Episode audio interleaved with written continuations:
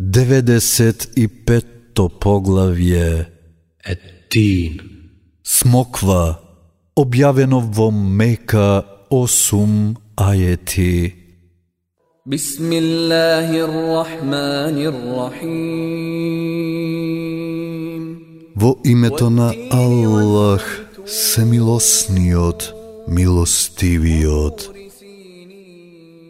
Се колнам во смоквата и во маслинката и во гората Синајска и во градот овој безбеден, дека човекот во најдобар облик го создаваме, а потоа во најгрозен лик ке го вратиме, освен тие што веруваат и што прават добри дела, зашто нив ги чека постојана награда.